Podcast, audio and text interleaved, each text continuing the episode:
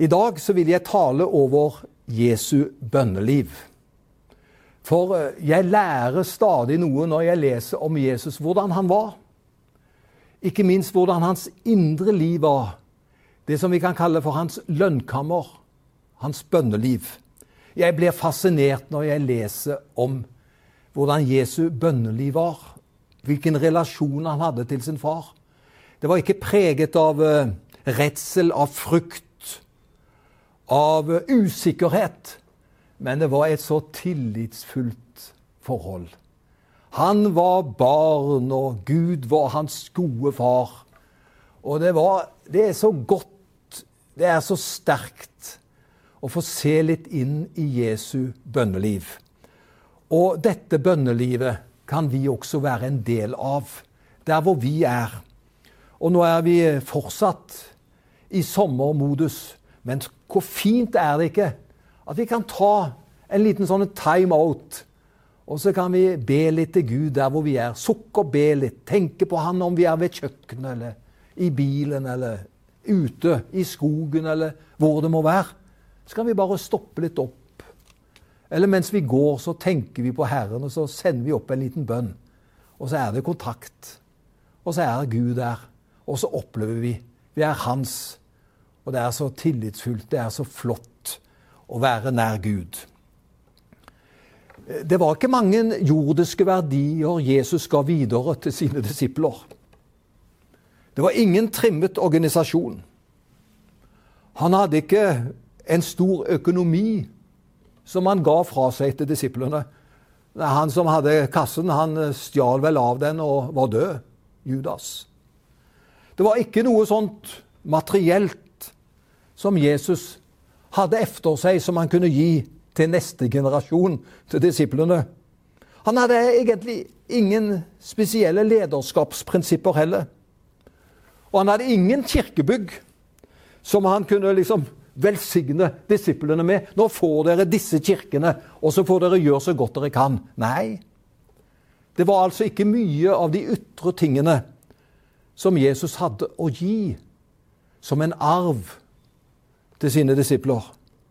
Men det var én ting han efterlot seg, og det var et bønnemøte. Han efterlot seg et bønnemøte. Og det var det han sa i eh, begynnelsen på apostlenes gjerninger. Bli i Jerusalem inntil dere er blitt ikledd kraften fra det høye. Og så var de samla i bønn. Og så var de i felles bønn. Det var et bønnemøte han eftergav de.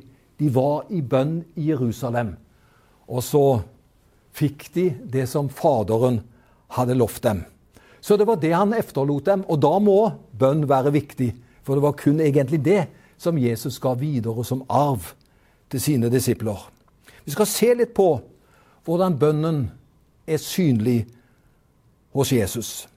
Det står i Lukas kapittel 3, vers 21, at da Jesus ba, da åpnet himmelen seg.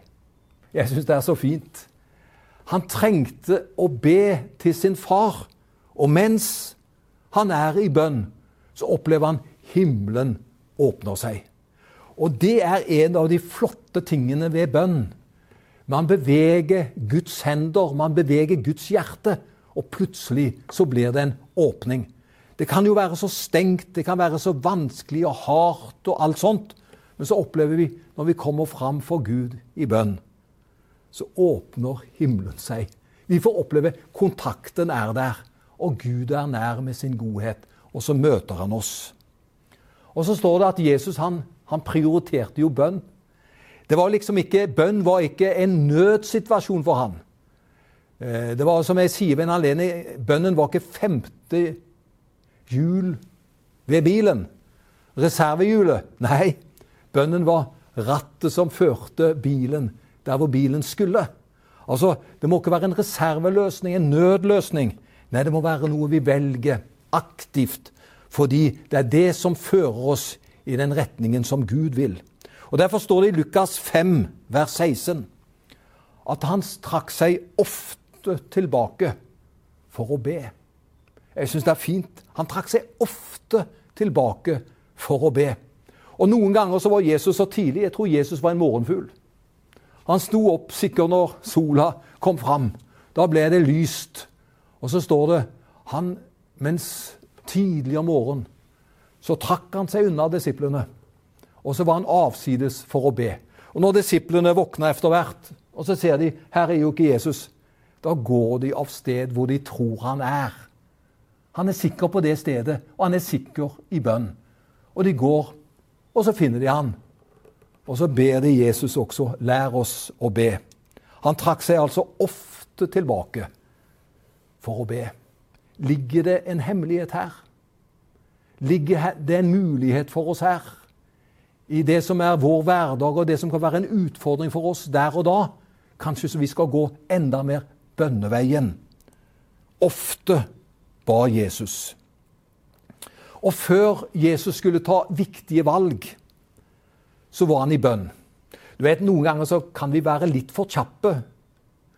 Og så bestemmer vi oss for ting, og så gjør vi valg, og så kan vi angre etterpå. Det er ikke bra å være for tidlig ute. Eh, det må være gjennomtenkt, og jeg vil si det må nesten være litt gjennombedt. Iallfall når vi skal ta viktige valg. I Lukas 6 vers 12 så står det han ba en hel natt før han valgte ut disiplene sine. Og det finnes valg som vi må gjøre som er ekstraordinære viktige. Da trenges det også kanskje ekstraordinær god tid i bønn.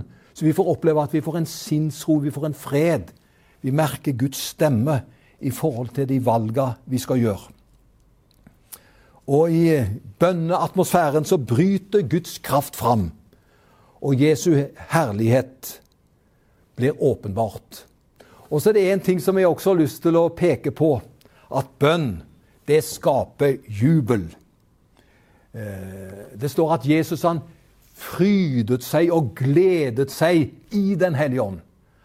Han er altså i bønn, og plutselig så kommer det en ny dimensjon mens han er i bønn. Han fryder seg og gleder seg mens han ber. Bønn skaper jubel. Det er ikke alltid det er like mye jubel bestandig til stede, for det kan være kamp også å be. Det kan være ting som er utfordrende mens vi ber, som gjør at vi må kjempe oss igjennom. Du skjønner hva jeg mener? Men andre ganger så merker vi at bønn det skaper jubel. I Misjonskirka for lenge siden så var det en predikant som var kjent for at eh, når han talte, så hadde han så mye glede og jubel når han talte. Han heter Arne Granlund.